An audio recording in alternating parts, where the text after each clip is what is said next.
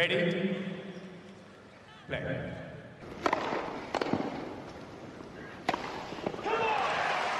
Merhabalar, Raket Servisi hoş geldiniz. Ben Gökalp. Ben Anıl, merhaba. Evet, Temmuz'un başındayız. Biliyorsunuz Temmuz demek tenis için Wimbledon demek. Çilek sezonu demek. Çilek sezonu demek, krema sezonu demek.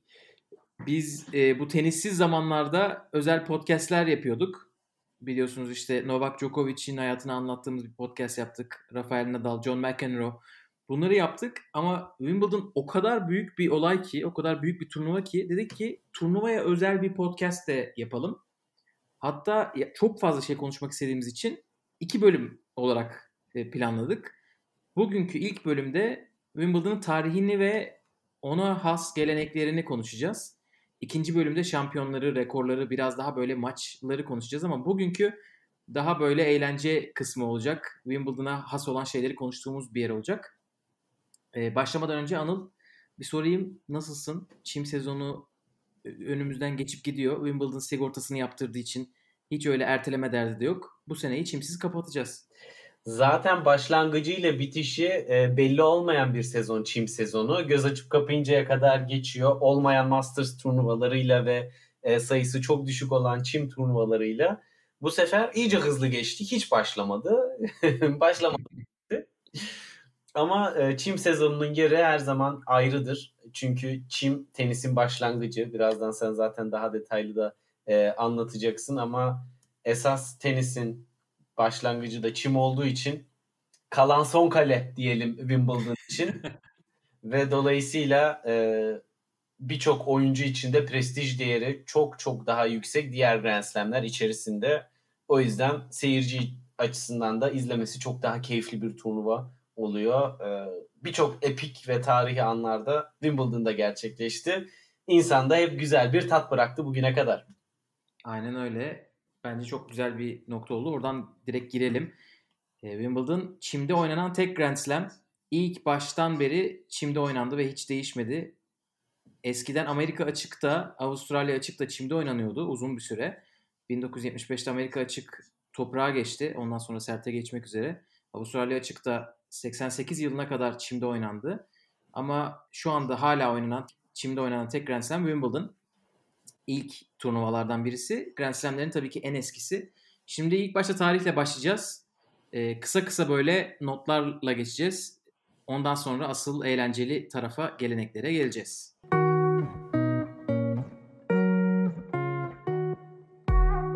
Şimdi Wimbledon'ın tarihi biraz tenisin tarihi de oluyor. Çünkü birlikte başladılar neredeyse, başlamışlar neredeyse. 1873 yılına kadar geri gitmek gerekiyor. 1873'te Walter Wingfield adında bir girişimci, İngiliz bir girişimci ya da Britanyalı diyeyim şimdi nereli olduğunu tam emin değilim. E, çim tenisini buluyor. Çünkü ondan önce sadece tenis derseniz e, çok bambaşka kuralları olan, işte kapalı bir yerde oynanan, taş üzerinde oynanan, çok ağır e, işte topla, sopayla oynanan, raketle oynanan bir raket bile olmayabilir böyle değişik bir oyun. Sonra diyor ki bunu hani o zaman İngiltere'de zaten sporların tam bulunma çağı. Ee, Futbol vesaire. Hepsi Aynen zaten. futbol, e, kriket, işte rugby onların artık e, endüstriyel devrimle beraber ortaya çıktığı bir zaman bu adam da çim tenisi diye bir şey çıkartıyor. 73 yılında ve o kadar hızlı yayılıyor ki hem de sadece İngiltere'de değil e, kendisi eski bir asker onun için böyle kontakları da çok fazla. İngiltere'nin sömürgelerin hepsine götürüyor tabii ki. Bütün Aynen çok çabuk gidiyor. Yani Güney Afrika'ya, Hindistan'a, Amerika'ya çok çabuk gidiyor. Askerler oralara gittikleri için e, tenis hani İngiltere'de belki İskoçya'ya gitmeden önce bazı yerlere gidiyor. Bununla beraber tenis böyle çok popüler bir spor haline geliyor. Özellikle üst kesimde diyelim aristokraside çok e, eğlenceli bir aktivite haline dönüşüyor. Tenisi diğer sporlardan kılan en önemli noktalardan birisi kadınların da oynaması. Hatta Walter Wingfield bunu bilinçli olarak yapıyor. İlk böyle tenisler şey tenis e, çantası gibi bir şey satıyor insanlara. Böyle bir James Bond çantası gibi bir şey düşünün. İçinde net var, direkler var, top var, raket var. O şekilde satıyor. Onlarda böyle kullanım kılavuzunda hani hem erkek hem kadın figürler işte kadınlara özel raketler yani bayağı o planlı olarak yap- yapılmış. Bununla beraber bayağı İngiltere'de popüler oluyor. 1868 ondan 5 sene önce de All England Club diye bir kulüp açılıyor. Sadece kroket oynanan. Krokette böyle yine e, göz işte e, el koordinasyonu gerektiren bir spor ama o popülerliğini yitiriyor ve 75 yılında bu kulüp tenisi de kendi bünyesine dahil ediyor. Ve 77 1877 yılında da ilk defa bir turnuva düzenliyorlar. Tek erkekler turnuvası. Bu da Wimbledon'ın ilk düzenlenmiş hali. Şimdiye göre tabii ki kısıtlı bir katılım var. Sadece tek erkekler var. Yani tek tip bir turnuva var. Çok değişik kuralları var. Ee, hani şey olarak. iki günlük bir boşluk bırakıyorlar ortada. Sırf Ethan Harrow kriket maçını izlemek için. Oradan gelen bir şey olacak zaten geleneklerde de konuşacağız. Wimbledon'ın ara bıraktığı bir gün var. Keyiflerine Ee, düşkünler. Elit spor ne de olsa değil mi? Aynen diyorlar ki hani bu maç çok önemli. Bu maçı hiç kimse kaçırmasın kuradaki. Onun için turnuvaya bir gün iki gün ara verelim. Hatta iki gün o zaman. Tenis Sonra o kadar mühim değil. Aynen öyle. Turnuva başlamadan birkaç hafta önce federasyon yok tabii ki o zaman. Turnuvayı düzenleyenler diyorlar ki e, tenisin kurallarını artık ortaklaştırmamız lazım. Çünkü değişik kulüpler İngiltere'nin değişik kesimlerinde değişik kurallarla oynuyorlar. E, böyle hatta o zamana kadar önemli bir kesim kortu kum saati şeklinde oynuyor. Hani ortalarında nete doğru kısalan, e, arc baseline'a doğru uzayan değişik bir kort şekli var. Sonra diyorlar ki yok her yerden gelen insan olacak. Turnuva yapacağız. Kural koyalım ve o kurallar şu anki kuralların neredeyse aynısı. Yani çok böyle üstünde ufak değişiklikler yapılıyor. Wimbledon hani bunlara aracı olmuş bir turnuva. Onun içinde başta dediği gibi gerçekten en prestijli tenis turnuvası olarak biliyor insanlar. 1880'lerde turnuvanın artık 3-4 sene sonrasında çok popüler oluyor. 20 bin kişi izliyor turnuvayı her sene. Ee, ve bu iyi bir rakam olarak hani addediliyor. İşte rugby, belki kriketten sonra futbolun e, o zaman artık yine popülerleştiği zamanlar. Ondan sonra en çok izlenen e, sporlardan birisi belki de ilki. 1884 yılında tek kadınlar kurası da artık oynanıyor ve çift erkekler de katılıyor. 1890'larda aristokrasi biraz spordan soğuyor ama e, bu biraz şeye kayıyor artık spor. Orta sınıfa hani biraz burjuvazinin e, spor oluyor ve orada çok fazla kulüp kurulmaya başlıyor. Yani böyle e, şehirlerin dışındaki mahallelerde yaşayan burjuvaziler bir site düşünün. Herkes o siteye bir tenis kortu mutlaka yaptırıyor. Ve öyle kulüpler sayesinde spor devam ediyor. E, bayağı güçlü bir şekilde devam ediyor hem de. Ondan sonra artık 1900'lere geçiyoruz. Değişik bir format var Wimbledon'da. Azomanlar zaten US Open, işte Amerika Açık ve Davis Kupası da o şekilde oynanıyor. Challenge Round diye bir sistem var. Eğer siz diyelim ki 1910'da şampiyon oldunuz. 1911'de katılımcıların tamamı kendi aralarında oynuyorlar. Kazanan 1910'un şampiyonuyla final oynuyor. Challenge Round oynuyor. Bunu belki eski Davis Kupası özel podcast'imizi dinleyenler hatırlarlar. Davis Kupası da böyle oynandı uzun seneler. Hatta 1972'ye kadar Davis Kupası böyle oynandı. E, ama Wimbledon 1922'de bu Challenge Round olayını kaldırıyor ve bildiğimiz şu anki e, knockout formatına geçiyor. 1937'de ilk defa televizyon yayını yapılıyor Wimbledon'dan. Tabii kaç kişi izleyebiliyorsa o televizyondan da kim. Aynen. İngiltere içerisinde bile kaç kişi izliyor acaba? Ama o, o kadar geride başlıyorlar e, televizyon yayınına. 30 sene buluyor renkli yayına geçiş.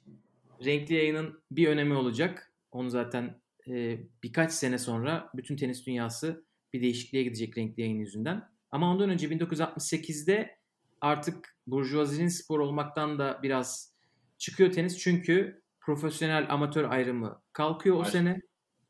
Ee, ilk defa 1968'de Wimbledon herkese açık bir şekilde oynanıyor. Yani biliyorsunuz bilmiyorsanız da o zamana kadar sadece amatörler oynayabiliyorlardı Grand Slam turnuvalarını.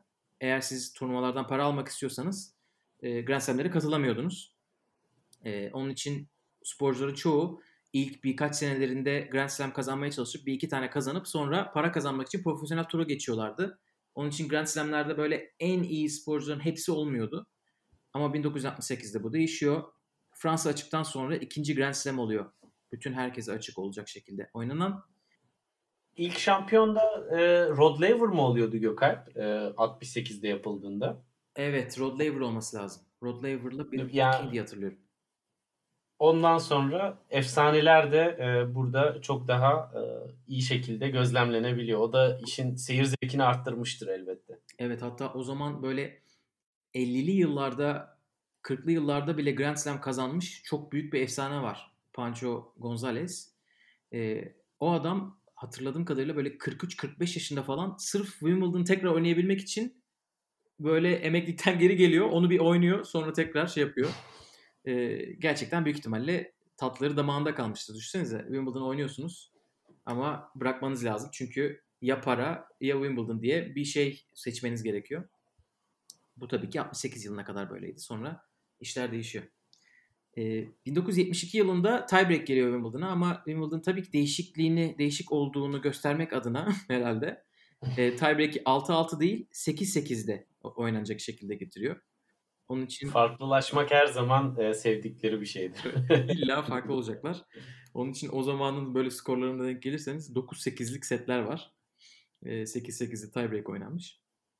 E, 1973'te büyük bir olay oluyor Wimbledon'da. E, ve aslında o senelerde bir sene önce ATP kuruluyor. E, oyuncular diyorlar ki bizim kendi birliğimizin olması lazım. Biz galiba bunu ITF ya da Davis Cup zamanında konuşmuştuk. Evet, evet 72'de ATP, 73'te WTA kuruluyor. E, ondan önce e, tenisçilerin kendi aralarında bir birlikleri yok ve e, ATP de burada ilk organize hareketini e, gösteriyor sanırım tenis tarihindeki. Aynen zaten çok daha çok yeni ve onları hani birlikte olmalarını gerektiren gerçekten çok büyük bir fırsat çıkıyor. Mayıs 73'te e, Niki Pilic Yugoslavya'nın o zaman bir numarası bir Davis Kupası maçına gitmek ist- oynamak istemediği için ve oynam- oynamadığı için e, ITF o zaman işte Uluslararası Tenis Federasyonu hatta o zamanki adı Uluslararası Çim Tenisi Federasyonu ILTF diye geçiyor. E, şey diyor 9 ay e, tenisten men cezası veriyor. Sırf Davis Kupası'na katılmadı diye. E, bu biraz yani bullying, biraz böyle gaddarlık gibi düşünülüyor o zaman tabii ki. ATP de daha yeni kurulmuş. Hani oyuncuların artık bir neredeyse bir sendika diyebilecekleri bir organizasyonları var. E, ATP üyeleri de daha bir senelik kurum. Diyorlar ki Niki için Wimbledon'da oynayacak şekilde hani cezasını iptal etmezseniz biz katılmıyoruz turnuvaya. Sonra ITF bir aya indiriyor ama Pilic hala burada katılamayacak durumda Wimbledon'a. Durum böyle olunca ATP'de ki neredeyse herkes sanırım tamamı e, 81 tane yüksek seviyede oyuncu ve 16 seri başının 13'ü katılmıyorlar. 1972'de turnuvayı kazanan Stan Smith dahil. Hiç kimse katılmıyor neredeyse. Seri başı olup da katılan 3 tane oyuncu var. Bir tanesi Ilya Nastase, bir Roger Taylor ki Roger Taylor İngiliz. Onun için hadi o oradan belki bir şampiyonluk olur mu diye herhalde şey yapmış. E, ATP de bu katılanlara ceza veriyor. Neden boykotumuza uymadınız diye. E, ama sonra zaten ITF'in şeyi ilk defa e, orada gerilemeye başlayacak. 1979'da 6-6'lık tiebreak'e geçiyorlar. Herkesin yoluna geliyorlar. 1986'da da bu ilk başladı, bahsettiğimiz e, renkli televizyon olayının getirdiği bir şey oluyor ve sarı topa geçiliyor. Ondan önce beyaz topla oynanıyor bütün e, bütün maçlar. Tabii ki bütün turnuvalar. E, ITF 1972'de onay vermesine rağmen Wimbledon'a gelmesi bir 14 sene sürüyor sarı topun. Değişime çok müsait bir e, organizasyon Aynen. gerçekten. Artık burada 90'lara geliyoruz. E, 90'larda Wimbledon artık diyor ki bizim hani biz prestijli bir turnuvayız ve kendimizi diğerlerinden farklı kılmamız lazım ve hani kendimizi geliştirmemiz lazım. Orada Long Term Plan adında uzun vadeli plan yayınlıyorlar bir tane. Diyorlar ki 1994 2011 arası yapacağımız değişiklikler, yenilikler bunlar. Biz bunun için bir yatırım getirdik bir araya ve turnuvayı dünya klasında bir şeye bir hale getireceğiz. Ve onunla beraber şu anda bizim gördüğümüz sürekli maç izlediğimiz 8-9 yeni kort yapılıyor. Hani biz şu anda 19 korta 17 korta alışız ama o zamanlar yok tabii ki onlar. Çok ilginç bir şey yapılıyor. Wimbledon bir üçgen gibi düşünün.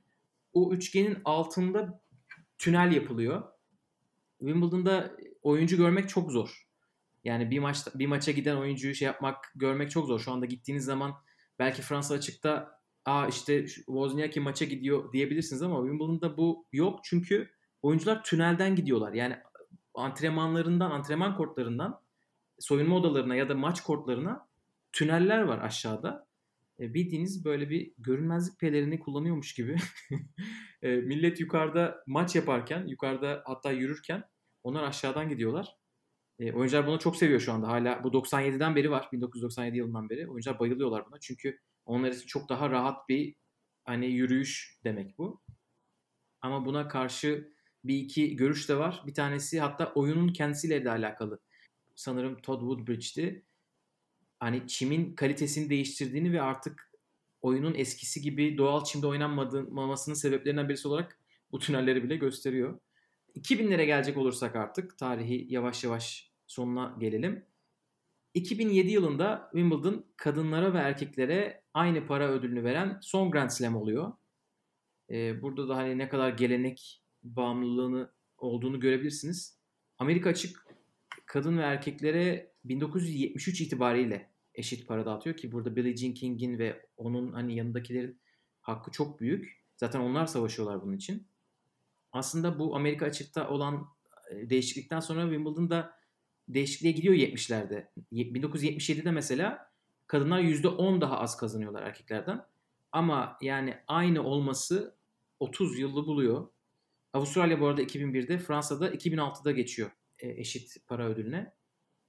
2009'da e, biliyorsunuz Merkez Kort'un çatısı tamamlanıyor ve artık çok şükür. Aynen öyle. Seneler boyunca Wimbledon'ın yağmurdan dolayı böyle efsaneleşen ve milleti yoğuran yayıncıları büyük ihtimalle helak eden planlaması en azından Merkez Kort için düzeliyor. 17 Mayıs. 4 saat süren maçlar 3-4 güne yayılıyordu yani. 4 günlük maçlar vardı. Dediğin gibi belki 3 saat süren bir maç. Gir evet. çık gir çık. İnanılmaz bir hal ama e, Merkez Kort açılıyor. E, Dinara Safina Ameli Moresmo maçında ilk defa kapatılıyor. E, ilk defa tam maçta kapalı e, çatı altında oynanan Andy Murray Stan Wawrinka maçı. 2009'da tabii ki hepsi. 2010'da uzun zamandır olmayan bir şey oluyor ve Kraliçe Wimbledon'ı ziyaret ediyor. 1977'den beri ilk defa geliyor. E, Federer, Wimbledon, Queen falan yazarsanız gerçekten çok komik videolar var. Oyuncuların hepsi böyle hazırlanmışlar. E, oyuncularla görüştüğü bir kısım var. Sonra bir de öğle yemeği yemiş. İşte Federer var, yemekte Serena, galiba Venus var. E, Tim Henman olması lazım. Birkaç kişi daha var. Henman'sız olmaz. Aynen, o, o onsuz olmaz. Ee, sonra bir, bir, bir 30 yıl daha onun etkisi devam eder zaten. Aynen. 30 yıl daha yaşar zaten büyük ihtimalle. Yaşar yaşar. Hiçbir yani şeyimiz yok. Hepimizi gömer. Hepimizi gömer. Hiçbir e, tereddütümüz yok. 2013 yılında yeni bir master plan açıklıyorlar 10-15 sene. Biliyorsunuz Wimbledon zaten bunların arasında en iyi ünvanı şu anda bizde var hala hazırda ama bunlar bu planlar sayesinde ve diyorlar ki durmak yok. Bunlar devam ediyorlar. Yola devam.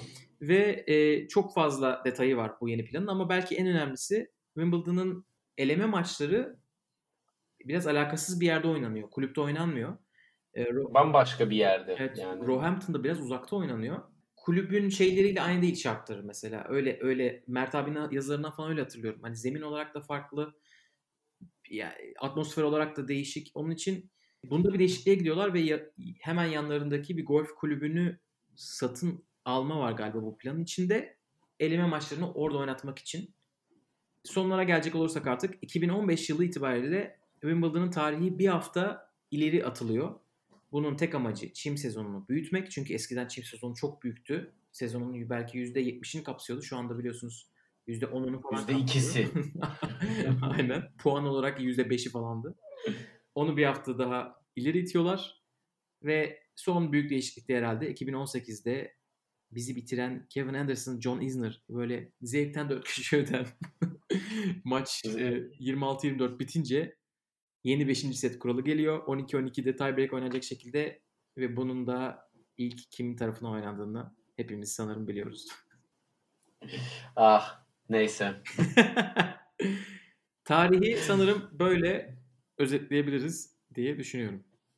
Evet yani e, son yenilikte bu kadar güncel geldi ve mecburiyetten geldi artık. Bu konuda da en çok direnen 5. set kuralına da e, son derece uzun süre sadık kalan en son turnuva Wimbledon'dı. Wimbledon'la beraber bu kuralı uygulayan da kimse kalmadı. E, ama tabii ki Wimbledon'da Fransa var. bitmez. Aa doğru pardon pardon çok özür. Biliyorsunuz özür. 5. set her yerde farklı. Bizim olayımız o. Evet. Tenisin zaten her turnuvada da kuralları değişiyor. Yani kadınlar erkekler ayrı kural uyguluyorlar. Kimisi coaching var, kimisi yok. Yani turnuva özelinde de değişiyor bunlar Tabii, kadınlar. Tabii tabii aynen öyle. Yani next gen var, karar puanı uyguluyoruz. 4 oyunluk turnuvaları görüyoruz filan. Renkler bol. Kartlar. O fazla bir renk oldu. Servis çalmalar neler neler. Yani inovasyon ötesi bir spor haline geldik. Herhalde o da Wimbledon'ın zıttı diyebileceğimiz bir noktadır. İstiyorsan Evet. yavaştan geleneklere başlayalım mı? Gelenekler heyecanlı ya biraz. Ya gelenekler e, hakikaten çok e, keyifli. Yer yer abes görünüp yer yerde böyle şeylerin gelenek halinde kalması da çok güzel e, diyorsun bazı konularda.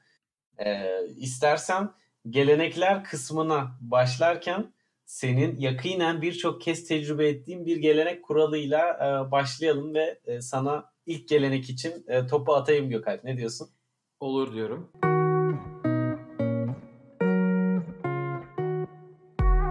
Ee, Birçok kez dediğim 3 kez. 3 arka arkaya gün olacak şekilde.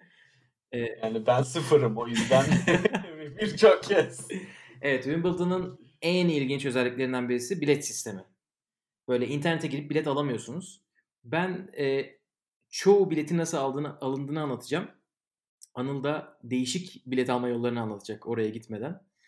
E, ilki ve hani belki biletin biletlerin %70'i 80'i gidip e, kulübün kapısında sırada beklemek. Çünkü Wimbledon e, internetten bilet satmıyor. E, hani diğer herhangi bir eğlence etkinliği gibi. Diyorlar ki biz geleneğimizi koruyalım. E, ayrıca çok böyle vurguladıkları bir şey de hani herkese eşit fırsat verme. E, onun için e, çoğunu biz kapıdan satalım. Tahmin edersiniz ki her, her gün 20-30 bin kişinin girdiği bir yerde nasıl kuyruk olabilir? E, onu da bir şekilde şey yapmışlar, e, sistematize etmişler. Çok güzel bir kuyruk sistemleri var ve o kadar yani böyle rahat ki bu bir kültür haline dönüşmüş seneler içerisinde böyle ama yani başladığından beri bu bu şekilde işlemiş.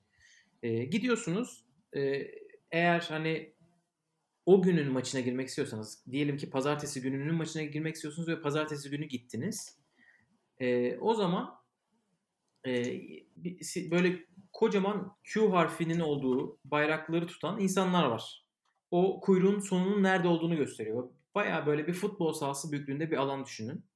İnsanların arasında baya e, alan var. E, yer- yere çizilmiş çizgiler var. Onun için hani sıramı kim kapar falan filan derdi biraz yok ama acaba sıram önüme geçilir mi diye düşünürken siz bayrağa ulaşır ulaşmaz size bir tane kart veriyorlar. Evet siz bugün kuyruğa giren 7642. kişisiniz diye ki hani e, sıra atlamalar olmasın diye. Ee, eğer siz pazartesi günkü maça gitmek için pazartesi günü sıraya girdiyseniz büyük ihtimalle merkez kort ve bir numaralı korttan bilet alamazsınız. Çünkü o kortlardan bilet almak için insanlar 1, 2, 3 gün önceden o günün popülerliğine göre de- değişerek yani e, ayrı bir sıraya gidiyorlar ve çadır kuruyorlar. Diyelim ki pazartesi günü Federer oynuyor. Hatta bir de o gün Serena da oynuyorsa pazartesi günü Şey, önceki cumartesi ya da cumadan oraya gidip çadır kuruyorlar ve diyorlar ki biz e, buradayız yani biz bekliyoruz.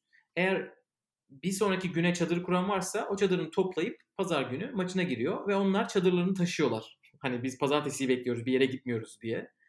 E, ve de e, hani o işte merkez kortun kapasitesi kadar bilette o ilk başta o sırada bekleyen insanlara diyelim 15-16 bin bilet e, ayrılmış kuyruğa aynen sıradan gelene tek bir fiyat olacak şekilde yani merkez kortta birinci sıradan izliyorsanız ve en arka sıradan izliyorsanız aynı parayı Aynı para. veriyorsunuz.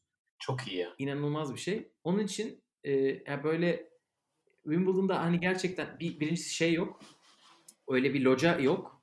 İkincisi Fransa açık, Avustralya açık gibi yerlerde hani böyle şey sistemi yok işte ilk sıradan izlemek için bin dolar verenlerin şıkır şıkır hallerinden belli olur. Öyle bir şey yok. Gerçekten tenisi izlemek isteyenler ilk sırada oturuyorlar. Ya onun için iki, iki gün çadırda kalmış insanlar oturuyor. En çok hak edenler. Ee, ve de bu çadır bu arada eğer hava da güzelse bayağı şenlik. Hep, hepsi de leş gibi bu arada. iki gündür kanter içinde kalmışlar. Ha, her şey var. Orada duşlar İşte var. ona topu atıyorum sana. Aynen, aynen duşları var, işte tuvaletleri var. Her şeyleri var orada yakında. Ya çok güzel yemek alanı filan var yani. Seç beğen al konser festivaline gider gibi. Orada o bir etkinlik. İnsanlar 2-3 gün orada takılıyorlar, tanışıyorlar, muhabbet ediyorlar filan. Aynen, aynen öyle. Ya bir de hava güzelse özellikle herkes zaten şeyini alıp geliyor. İşte topunu, Şemsiye. frisbisini, şemsiye kesin, o kesin. alıp geliyor. Onun için orada apayrı bir kültür var. Bu arada e, yani bul, bulmaya çalışalım. Ben e, hani podcast'in altına bunu ekleyeyim. Mert abinin kuyruk üzerine çok güzel bir yazısı vardı. Oradakileri oradakilerle röportaj yaptığı. E, onu da ekleyelim. Anıl sana e, burada şey sorayım. Kuyrukta beklemeyip bilet alınabiliyor mu? Bu nasıl mümkün? Şimdi kuyrukta beklemeyip e, bilet almanın çeşitli yolları var. Birincisi sponsor biletlerinden tanıdığınız olacak ve size bedava bilet verecek. Her yerde Yani-. Evet. İkincisi ve en yaygın olan yöntemlerden birisi kura yöntemi. Kura yöntemi hani bilet alımı konusunda görüp görebileceğiniz en karmaşık ama aynı zamanda da adil olması için uğraşılan sistem. Ee, Kura sistemi şöyle. ikiye bölünüyor bu kura. Ee, Britanya'da yaşayanlar için bir kura oluyor. Bir de e, dünyanın geri kalanı için oluyor. Ve siz bu kuraya başvuruyorsunuz. Ama nasıl başvuruyorsunuz? Ee, bundan 3 sene öncesine kadar zarfla. Yani şöyle ben mesela Türkiye'deyim. Ben e, İngiltere'ye şey İng- e, Wimbledon'a mektup yolluyorum. Diyorum ki ben Kur'an'ıza katılmak istiyorum. Onlar bana o mektuba cevaben bir form yolluyorlar zarf ile. E, ve onun içinde de geri yollayacağım zarf da oluyor. Ben formu dolduruyorum, zarfın içine koyuyorum ve o zarfı geri yolluyorum İngiltere'ye ve ona cevaben de e, kurada kazanıp kazanmadığımda yine zarfla bize geliyor. Hayret nasıl telgraftan zarfa geçmişler? o kadar Yani- gelenek tutmamışlar. O da 1997'de. İngiltere içerisinde de aynı şekilde sistem devam ediyor. Bir sene öncesine kadar da zarfla devam ediyordu. Ee, sanırım geçen sene değiştirdiler yanlış bilgi vermeyeyim. Geçen seneden itibaren 3 sene öncesinde dünyanın geri kalanı için dijitalleştirdiler. Baktılar artık dünyanın her tarafından gelen mektuplar sığmıyor. Ee, dediler dijitale geçelim. Online olarak dünyanın her yerinden kuraya katılabiliyorsunuz. Fakat bunun tarihleri tabii ki çok çok öncesinden tutup da Mayıs ayında ya bir kuraya katılayım dememeniz lazım. Bunlar e, aşama aşama olan şeyler. İşte 1 Ekim'e kadar sisteme kaydolmanız gerekiyor. Ondan sonra işte bir başvuruda bulunuyorsunuz. Ondan sonra kademe kademe birkaç işlemler var. Çok detaya girmeyeyim. Şöyle bir şey var. E, siz bir ailesiniz. 4 kişi hane halkında yaşıyorsunuz. Dördünüz birden başvuramıyorsunuz. Her hane halkından sadece bir kişi başvurabiliyor. Yani bir ikametgah adresinden iki kişi başvurursanız e, büyük ihtimal ikinizi de e, iptal ediyor sistem. E, şanslıysanız biriniz kuraya katılabiliyorsunuz. Öyle bir durum var. Bu kuraya katılacağınız zaman da hangi korta, hangi güne, kaç kişi bilet alabileceğiniz tamamen şansa bağlı. Kuradan çıkıyor diyor ki sen işte birinci tur maçında dış korta bilet geldi diyor. Ya da diyor ki son gün e, erkekler finaline veya kadınlar finaline biletin çıktı diyor. E, sana yerini söylüyor ve e, fiyatını söylüyor ve bunun üzerine diyor ki bak diyor bu sana çıktı. Kabul ediyorsan bir hafta süren var ödemesini yap. Yoksa başkasına vereceğim bu bileti diyor. Ve böylelikle sistem ilk haber geliyor. Mesela işte ilk kuradan çıkmadınız diyor ki işte kurada maalesef size bilet çıkmadı ama beklemeye devam edin. Bu parayı ödemeyenler ve yok ben bilet istemiyorum diyenler rin biletleri tekrardan havuza giriyor. Tekrar bir kura yapılıyor ve şanslıysanız ikincisinde çıkıyor veya üçüncüsünde çıkıyor. Bu hafta hafta kura çekimi böyle devam ediyor. Benim de bu sene şansa hem kuzenime hem İngiltere'de yaşayan arkadaşım iki bilet çıktı. ve e, ben bu iki hafta sonra üst üste Wimbledon'a gitme planı yaparken e, Londra'ya gitmeyeli ve gitmeyeceğim bir süre sanırım epey uzadı Birisi, bu vesileyle. evet, birisi yarasa yedi diye bitirdiğimiz cümlelerden. A- aynen öyle. Bakalım seneye de biletler baki. İnşallah ya. Ben iki tane birden olduğunu unutmuşum. İnşallah seneye de kuzenim beni hala sever ve arkadaşımla küsmeyiz. O zaman seneye 2021'de e, durumları bildiririz. Evet yani böyle bir e, sistemi var. Dolayısıyla işiniz şansa kalmış. Evrene pozitif enerji yollayıp zamanında e, formu doldurup e, beklemeniz yeterli. Yani yapacak hiçbir şey yok. Evet. Formu dolduruyorsunuz, bekliyorsunuz ve inşallah güzel bir korta denk düşer diyorsunuz. Hani şey de olabiliyor bazen. Merkez korta düşüyorsunuz. Aa çok güzel. Sonra e, o gün mesela seri başlarını daha küçük korta vermiş oluyorlar. Bilet çıktığına üzülebiliyorsunuz da yani. Özellikle ikinci tur, üçüncü tur maçlarında bunlar sık olan şeyler. Ee, ama- kumar o. Evet. Biz az mı gördük Roland Garros'da e, Philip Chatrier biletini e, Suzanne Lenglen'le değiştirmeye çalışanlar Federer'i küçük kort Evet. aldılar diye. Doğru doğru. Değil Aynen öyle. Evet yani Yani gerçekten çok büyük Federer maçı. çok çok büyük bir efor şey bu bu kadar hani şey herkese ulaştırmaya çalışmaları takdir edilecek bir şey. Eğer biraz daha böyle para bastırayım da yapayım diyorsanız bir şansınız daha var. O da Wimbledon bazen hani bu master plan diyoruz, büyük plan diyoruz. O tarz yatırımlar için e, sadece bankalara gitmiyor. E, bizim gibi bireylere de gidiyor yani gerçek kişilere de gidiyor. Borç senedi o sistemi var bir tane. E, sizden işte atıyorum 5000 pound istiyorum ya da 10.000 pound istiyorum. Bunun karşılığında Merkez Kort'ta 2-3 senelik ya öyle bir artık nasıl bir anlaşmaysa o zamanki bir tane koltuğunuz olacak. Öyle bir şey de yapabiliyorsunuz. Onun için keseyi biraz açmanız gerekecek. S- Sahip, sahibinden devredilir kombine diyorsun. Aynen öyle. O zaman istiyorsan ikinciye geçelim. Tat, tatlı bir gelenek var. Biraz tatlı yiyelim, tatlı konuşalım.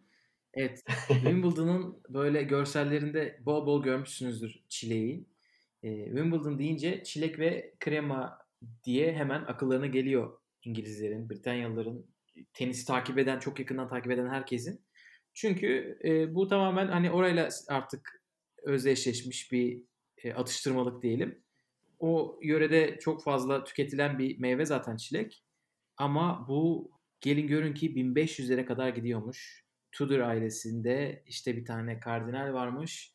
E, çilekli kremayı ilk defa bu arkadaş birleştirmiş ve o zamandan beri devam ediyormuş. Wimbledon'da tabii ki bu şeyi görür mü? Bu gelenek e, ihtimalini. Kentten geliyormuş, Kent adlı şehirden çilekler. Böyle her zaman haberleri çıkar. Şu kadar ton çilek tüketildi, şu kadar litre, bin litre krema tüketildi diye. Öyle bir şey yani. Bildiğimiz çilek. Yani en son sanırım ortalama son sayılara bakarak konuşuyorum. Bir turnuvada 28 ton çilek, 7 ton krema tüketiliyor diyorlar. Yani bu sayı artmış da olabilir son son sene. Ee, ama yani turnuvanın iki hafta olduğu düşünülürse ki elemeler de oynanmıyor burada. İki haftada 28 ton çilek epey bir e, yüksek miktar. Kent Bir şehri de bu- geçinmiş o iki hafta her sene. Ya e, denilene göre her sabah 5.30'da taze taze toplanıyormuş bir de onlar. Yani e, Yani- İspanya'nın size Londra'da satmıyorlar. Halis köy çileği. İnanılmaz. Evet, kırmızıdan beyaza geçelim o zaman. Gökhan. Güzel bağladın. Evet. Kırmızı çilekten beyaz e, kuralına geçelim. E, Wimbledon'ı izleyenler görecektir ki Wimbledon'da markalar y- yaratıcılıklarını çok fazla konuşturabiliyorlar. Çünkü tek bir renk var. Oyuncuların giyimde kullanabilecekleri tek renk beyaz. Bu çok çok katı bir kural. Benim de açıkçası sevdiğim bir gelenek Gökalp. Ee, sen ne düşünüyorsun yani sen seviyor musun böyle full e, white olmasını? Bir de hatta işte kolsuz olabilir, kolsuz olmayabilir falan filan bir sürü e, şeyler de e, tartışmalar da bunun içine giriyor. İşte beyazın hangi tonu beje çalarsa olmaz, full beyaz olması lazım işte e, gibisinden oldukça katı kural. Ben benim hoşuma gidiyor herhalde ya. Özellikle e, yani toprakta olsa saçma olurdu tabii ki. Ama ama çim kortta neden olmasın? Evet yani ben de açıkçası e, bu kuralı beğeniyorum. Çok e, Wimbledon'ın kendini konumlandırmak istediği noktaya çok yakışıyor bu arada. Hani böyle daha işin geleneği, biraz daha elitiz biz, temiz hani böyle çünkü şimdi mesela US Open'da e, Serena'yı biz işte siyah tütüsüyle görebiliyoruz. Ondan sonra e, Rafa'nın her turnuva mor, pembe, yeşil, lacivert ne kadar renk tonu varsa hepsini sırayla her turnuva diyor. Bunların yaratıcılıklarını görebiliyoruz. Federer'in Bak- kargo elemanı rengindeki. Fe- Federer'in Uniqlo ile beraber girmiş olduğu yaratıcılığa hiç girmek istemiyorum. Çünkü göz zevkine bu kadar az hitap eden bir kombinasyon e, gerçekten üzücü. gerçekten e, ve hani buna şeyler de dahil aksesuarlar e, her şey dahil buna hatta ve hatta ayakkabının tabanında bile e, sadece 10 milimetreye kadar bir e, renk farklılığı olabiliyor. Dolayısıyla e, burada hani krem rengi dahi olamaz onun dışında. Bunun çok detaylı kuralları var. Bu çok büyük olay olmuştu hatırlıyor musun? 2013'te Federer'in ayakkabısının altı turuncuydu. Yani Evet. sadece bu konuşuldu o iki gün. Zaten sonra da Federer kaybetti Stahovski'ye. Herhalde alın size ayakkabı tabanı buyurun diye. Lanet olsun dedi. İkinci turda eğlenmişti sanırım Evet, yanlış evet, hatırlamıyorsam. ikinci turda. Ee, böyle değişik bir e, tarz var ama hani ne bileyim benim için Wimbledon beyaz deyince akla gelen tek sahne ilk sahne e, yaşımız itibariyle 2008 Rafa ile e, Federer'in finali hani finale gelirken ki kıyafetleri üstlerinde pantolonları hırkaları filan da vardı ve böyle bembeyazlar E, gerçekten çok güzel bir görüntü de oluşturmuştu Gökalp. Evet. Hani Bir tane Ne sene takım elbise gibi bir şeyle gelmişti Federer. O kötüydü ama o galiba 2007. Federer'in pantolon tercihleri genelde Neden e, pantolon giyersin tenis maçında? çok yani çok zevkli değil. Bu arada şu anda inanılmaz katı bu kural. Eskiden böyle değilmiş. Eğer böyle 90'lardan 80'lerden maçı izlerseniz böyle bayağı e, hani kocaman işte pembe, yeşil şeyler var. Desenler var tişörtlerin üstünde. Yani o da güzelmiş. Böyle çünkü o zaman oyuncular böyle Wimbledon'ın mor yeşilliğini falan kullanıyorlarmış. Şu anda çok çok katı gibi biraz da gelmiyor değil. Çünkü mesela şey var bu kurallarda açıklamalarında. E, iç çamaşırlarının da eğer Ha, görülebilirse falan diye bir kural var. Yani beyaz şortun içine kırmızı don giymeyin diyorlar özetle. Dominic Team senin için bir parantez açılmış. Özellikle terlendiği anda gözüküyorsa diye o zaman beyaz olmalıdır diye bir kural var arkadaşlar. Bu olur mu böyle bir şey? Bu insan yazmaya utanır. Ama yazmışlar. yani herkes e, inovasyon ararken Wimbledon katılıklarına katılık katıyor diyebiliriz. O zaman daha katı bir yere gelelim mi? Evet. Wimbledon Elitizmin artık doruk noktalarındayız. Wimbledon biliyorsunuz turnuvanın adı ve bu turnuvayı düzenleyen kulübün adı All England Lawn, and, Lawn Tennis Club. Ee, ve bildiğiniz bu touch spor, Enka gibi bir kulüp aslında. Yani oraya üye olanlar gidip kortta oynayabiliyorlar. Ama üye olmak inanılmaz zor. Tim Henman eskiden demiş ki Wimbledon'a üye olmanın en kolay yolu Wimbledon'ı kazanmak. Ve orada sanırım McEnroe şampiyon olduğu halde bir kuraldan dolayı üyeliğini ilk sene alamamış mıydı? Öyle bir şey bile olmuştu yani. Hani şampiyon olsanız bile üye olamayabiliyorsunuz. Aynen öyle. Ee, galiba 81'de şampiyon oluyordu ve e, şampiyonlar balosuna gitmediği için üyeliğini vermiyorlardı. Evet. Tekrar şampiyon olunca o zaman alıyordu. O bile zor yani doğru diyorsun. Ee, toplam 565 tane kulüp üyesi limitleri var. Bunun sebebi çok mantıklı. Çünkü e, 375 tane tam böyle tam üyelik diye bir şey var. Hayat boyu üyelik. Bunun sebebi 375 olması sebebi kulübün eski olduğu yerdeki tribün 375 kişi alıyormuş. Yani bu kadar basic, bu kadar hani geleneğe bağlı olunabilir. Ee, eğer girmek istiyorsanız e, giriş ücreti yani senelik ücreti e, çok ucuz. Yani 4 kişilik bir ailenin Londra'da bir akşam yemeği kadar diyorlar. Hadi diyelim ki 400 pound olsun. Sembolik. Aynen çok sembolik bir üyelik ücreti var. E, 400 pound'u da çok kaliteli bir yer diye öyle yukarıda söyledim. Yoksa büyük ihtimalle 50 pound'a rahat rahat yersiniz. Bilmiyorum İngiliz, İngiltere'de çok hakim değilim şimdi atıp tutmayayım. E, hani bu dediğin gibi sembolik ama 4 kişinin içeriden size e, bir hani mektup yazması gerekiyor. Biz onu istiyoruz diye. Referans olacaklar. Aynen yani. referans gerekiyor ve bunlar tamamsa e, siz artık hani bekleme şeyine sırasına girmeye hazırsınız. Bekleme sırasında bin kişi var. Bin kişi de böyle yıllar öncesine gidiyor beklemeleri.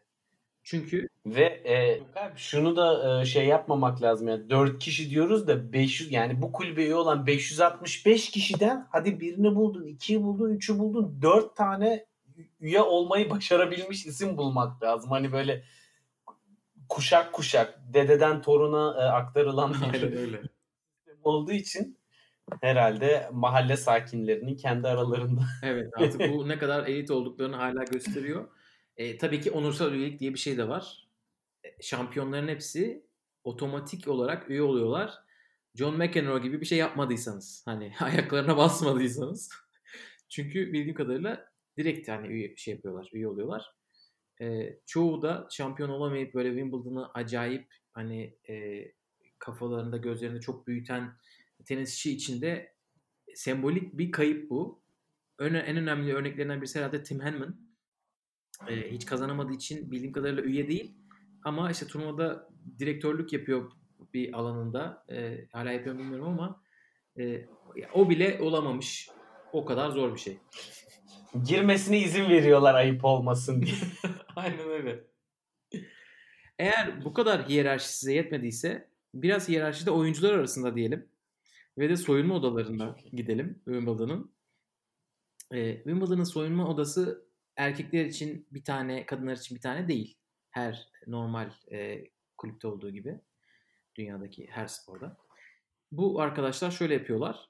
Eğer siz ilk 16 seri başı seri başılarından biriyseniz ya da eski bir şampiyonsanız o zaman o kulübün üyelerinin kullandığı soyunma odasını kullanabiliyorsunuz.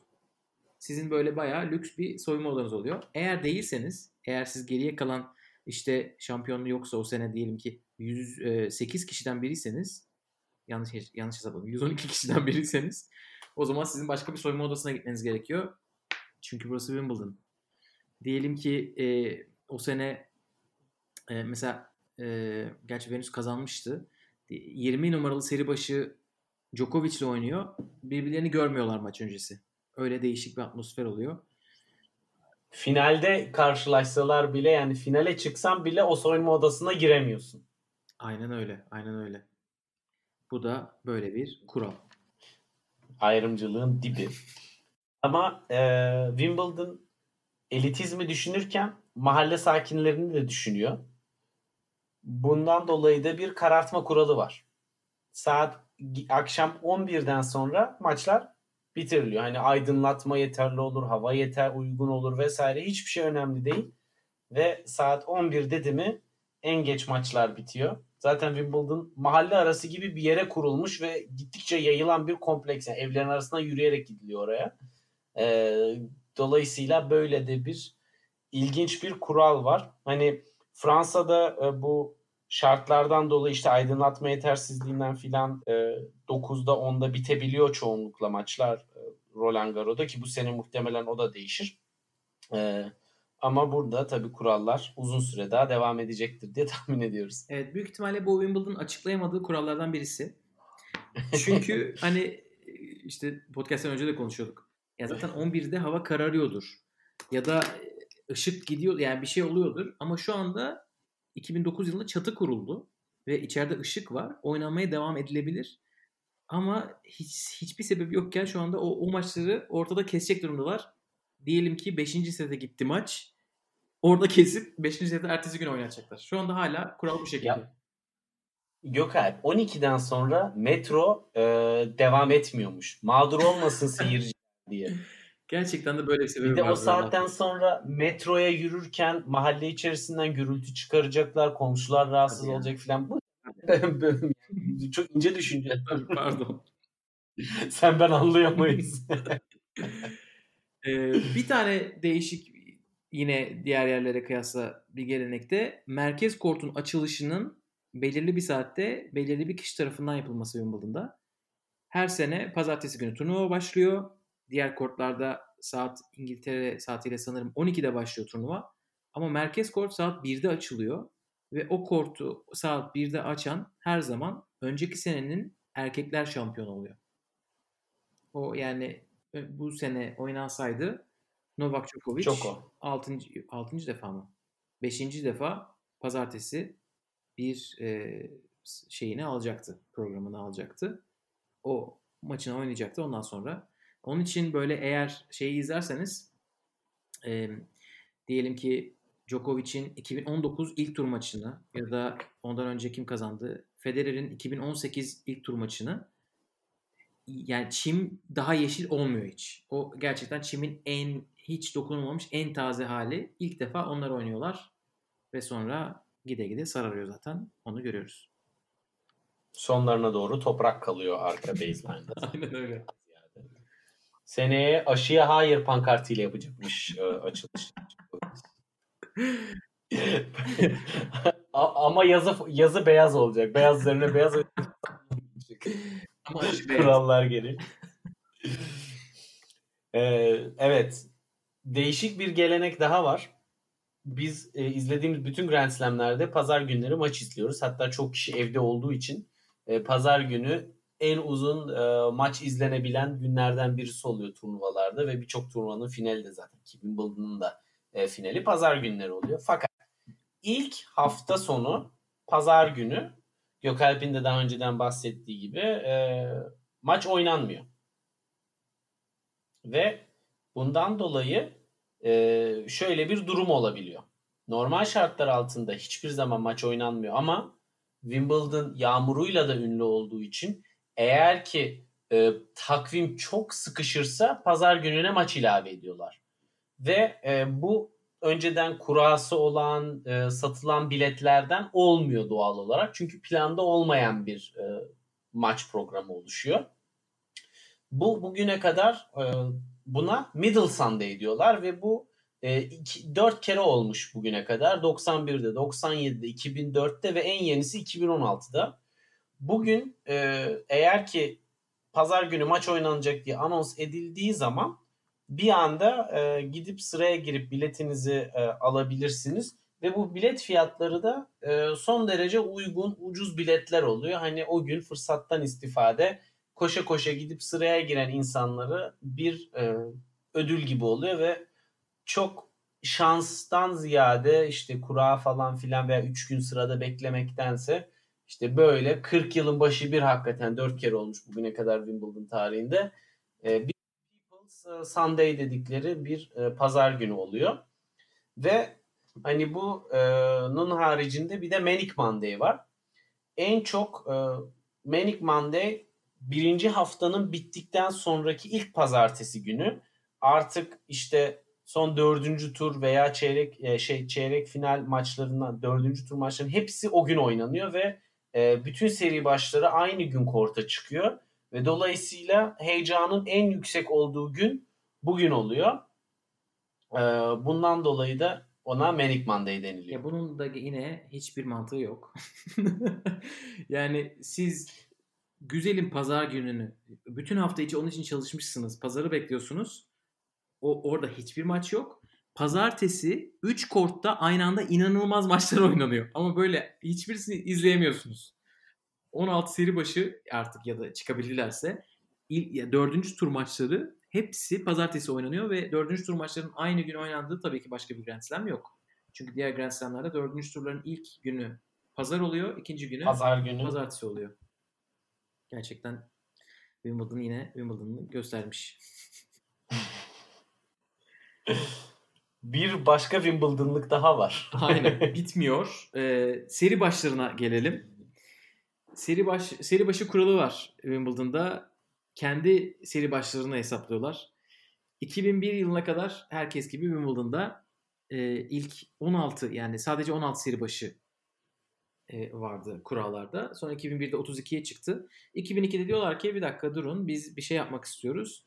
Biz hani e, zaten önceden de kendi komiteleri var seri başlarını belirleyen. Biz ATP sıralamasını olduğu gibi almak istemiyoruz. E, bunu bir hesaplama haline getirmek istiyoruz. ATP sıralamasının bir ağırlığı olsun. Ama e, o sene kazanılan çim puanlarının, ondan önceki sene kazanılan çim puanlarının ve ondan iki sene önce kazanılan çim puanlarının hepsinin ağırlığı olsun. Çünkü şu anda o kadar az çim turnuvası var ki bizim ayrı bir seri başı sistemi yapmamız gerekiyor diyorlar. Bu e, aslında gerçekten bence en mantıklı kurallarından birisi. E, ama böyle sene sene çok büyük oynamalar yaratabiliyor. Onun için eğer bu büyük bir oynama yaratıyorsa mesela e, Federer'i 3 numaradan 2 numaraya çıkarmıştı bu kural. Sanırım 2018 yılında. Bu Federer finalde karşılaşacak demek bir numaralı seri başıyla. Yarı finalde karşılaşamaz demek mesela. O zaman çok medyatik bir hale geliyor bu kural. Ama bu 2003 yılından beri sanırım uygulanıyor. Ya evet burada e, tabii ki şeylerde çok tartışma deniyor. Özellikle toprakta puanları toplayıp gelenler bir anda e, kendilerini çok düşük sıralamalarda bulabiliyorlar. Hatta seri başı olamayabiliyorlar. Veya işte çok düşük bir sıralaması olan işte Kevin Anderson örneği vardı e, yakın tarihte. Sakatlık geçiriyor. Wimbledon'dan sonra çok doğru düzgün turnuva oynamıyor ama ondan önceki sene finalde oynadığı için çok yüksek e, bir seri başı e, sıralamasıyla tekrardan e, seri başı olarak Wimbledon'a katılabiliyor bir sonraki sene. Yani bunun üzerine zaten geçtiğimiz Wimbledon bölümlerinde de geçen sene detaylı konuştuk. Kendince ilk defa bence haklı sebepleri var. Çünkü çok kısa hakikaten çim sezonu ve e, çimde başarılı olan oyuncuya çimde pozitif ayrımcılık yapmak istiyoruz. Zaten kaç tane turnuvaları var ki e, diyerekten böyle bir yere gidiyorlar Gökhan. Evet bu Kevin Anderson örneği çok güzel oldu. Ben onu unutmuştum. Onun için şu anda ona bakıyorum. Ha, Kevin Anderson mesela 8 numaradan normalde o zaman 8 numaradaymış. 4 numaraya yükseltmiş. 2019 yılında. Çok büyük değişiklik gerçekten. Direkt e, çok fantastik İnanılmaz bir, bir konu geliyor yani. O zaman diğerine geçelim. Yani e, seri başları var ama seri başlarının bir de e, kıyıldığı bir kort var Gökalp.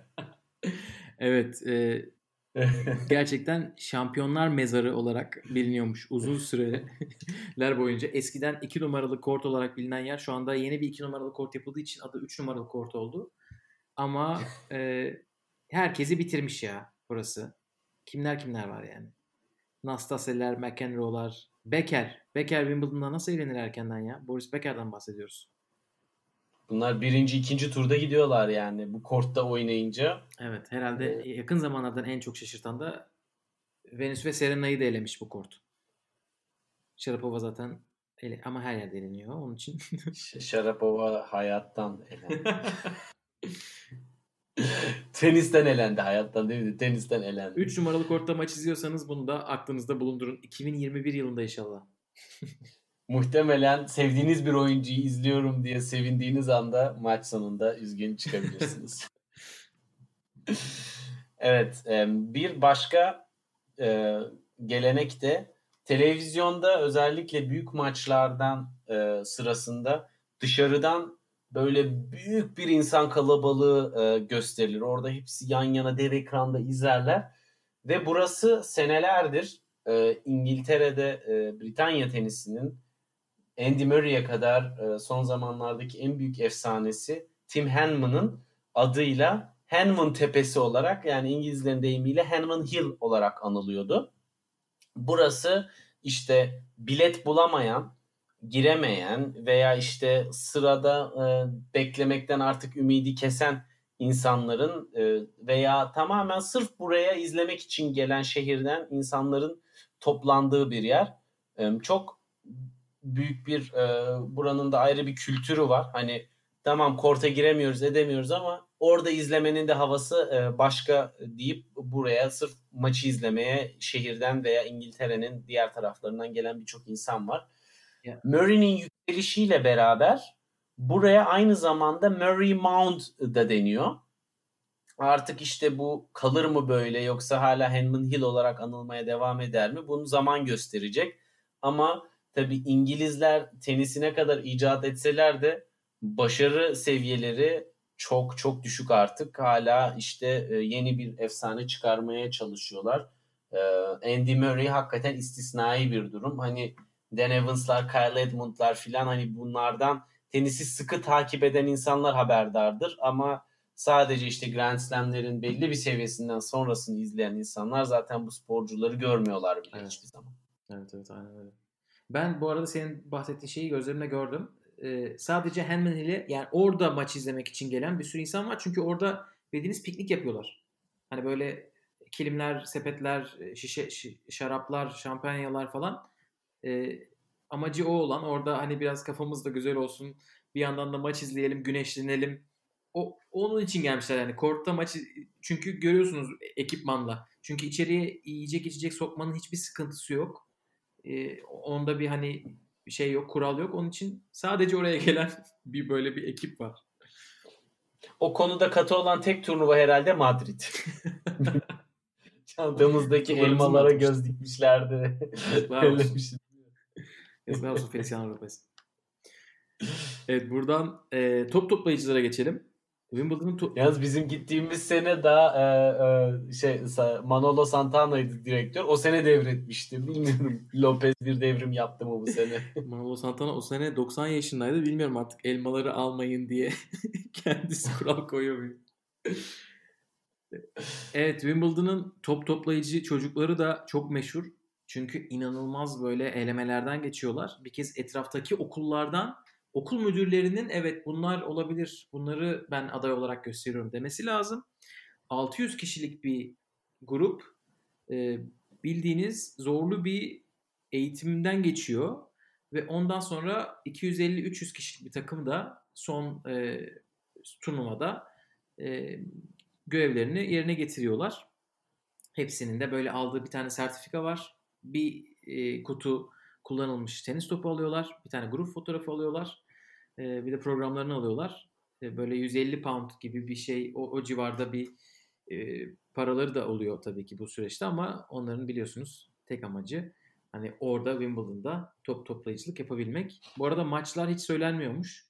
E, hangi kortta olacakları. Hepsi aynı şekilde şey onun için ona göre hazırlanıyorlarmış.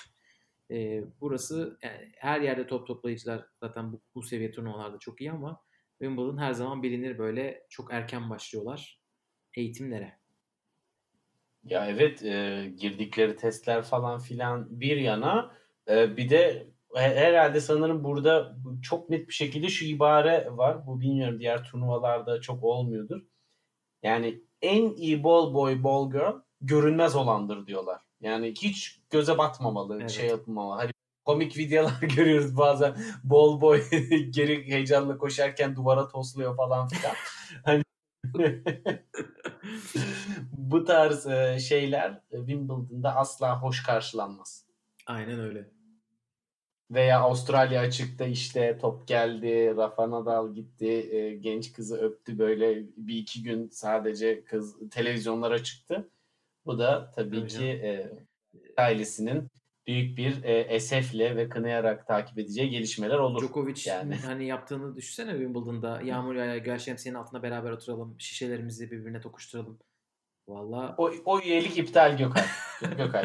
O, o, o kulüp üyeliği gitti başka artık. bir, başka bir top toplayamadı çocukta. Virüsü bulaştır, aşı olma, her şey tamam. Şemsiyeyi tutmayacak. Bitti. Evet artık son maddelerimize geliyoruz. Yavaş yavaş. evet. Wimbledon'da bir de çok ilginç bir e, cinsiyetçi taraftan bir kural var. E, ladies ve gentlemen diye hitap ederler. Hani bey bayan e, gibi bizden kadın erkek değil. Beyefendi hanım gibi Evet. böyle çok eski bir dille aslında. Evet. Ve e, hani bu tabi gelenekselliğin artık dil bilimine kadar e, uzayan tarafı turnuvada. Ee, bunun haricinde yak- yakın bir tarihe kadar geçen sene, Geçen sene. kaldırdılar. Kaldırdılar. Ee, kadınlara e, evlilik durumlarına göre hatta Miss veya Mrs diye hitap ediyorlardı. Hani erkeklerde böyle bir şey yok.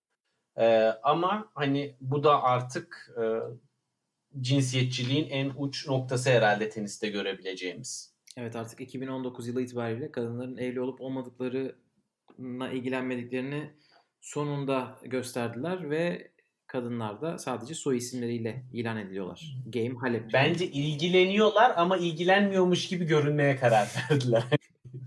Muhafazakarlık. İlerleyin diyoruz. İlerleyin.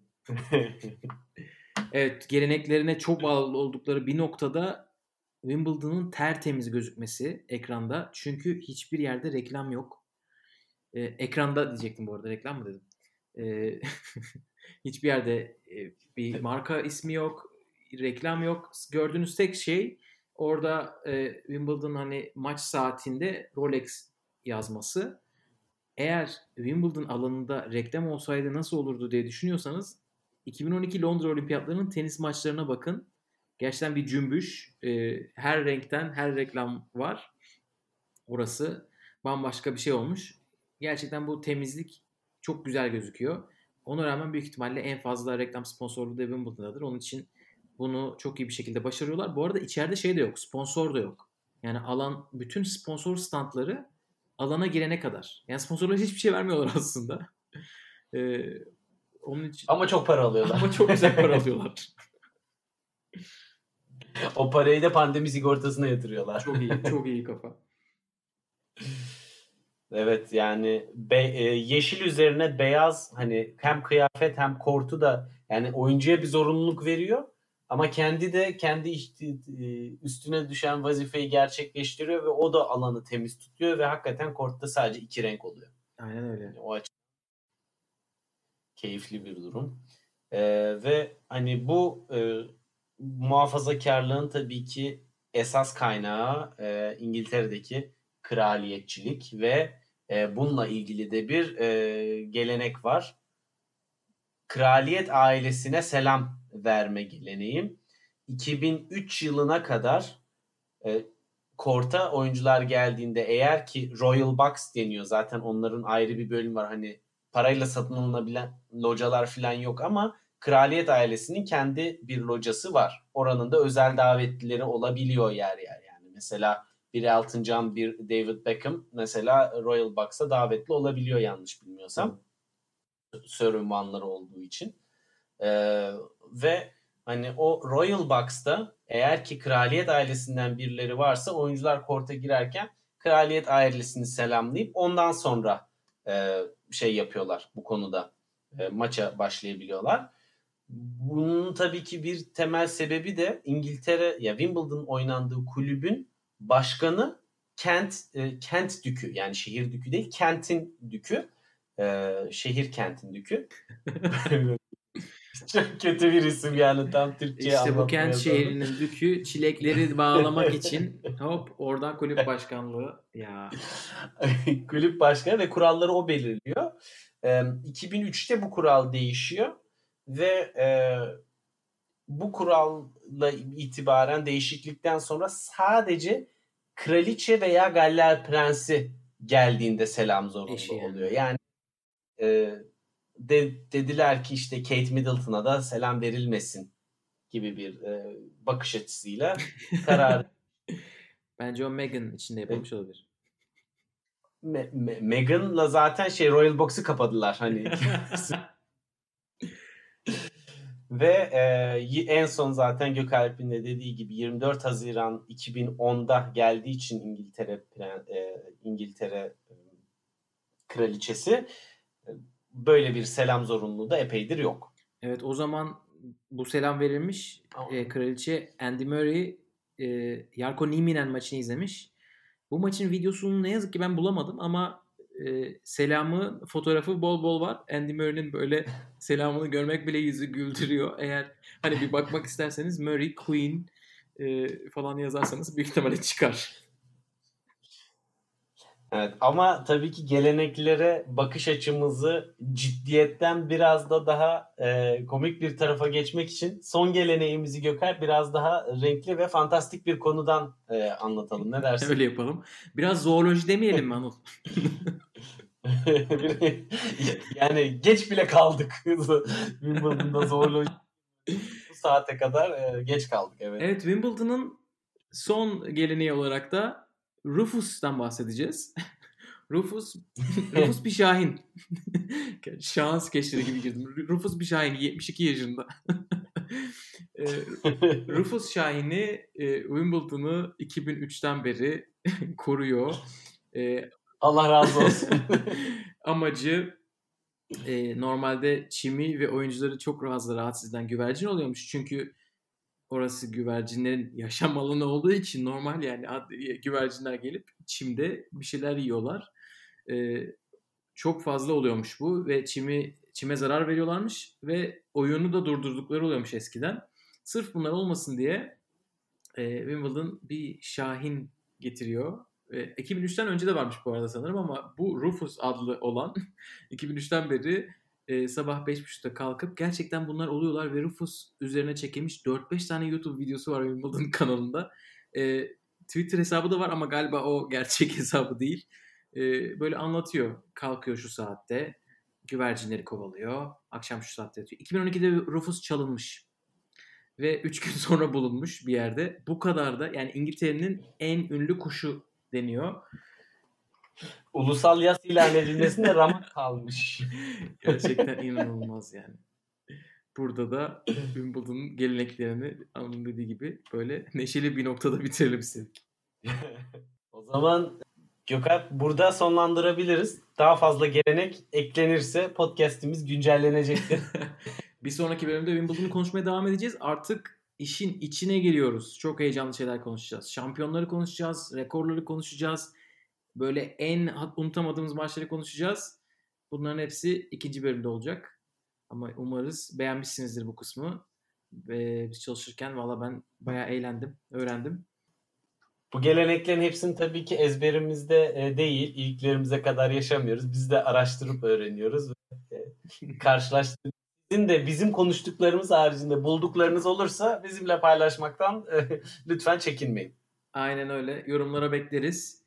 Bir sonraki podcast'te görüşmek üzere diyelim. Hoşçakalın. Güle güle.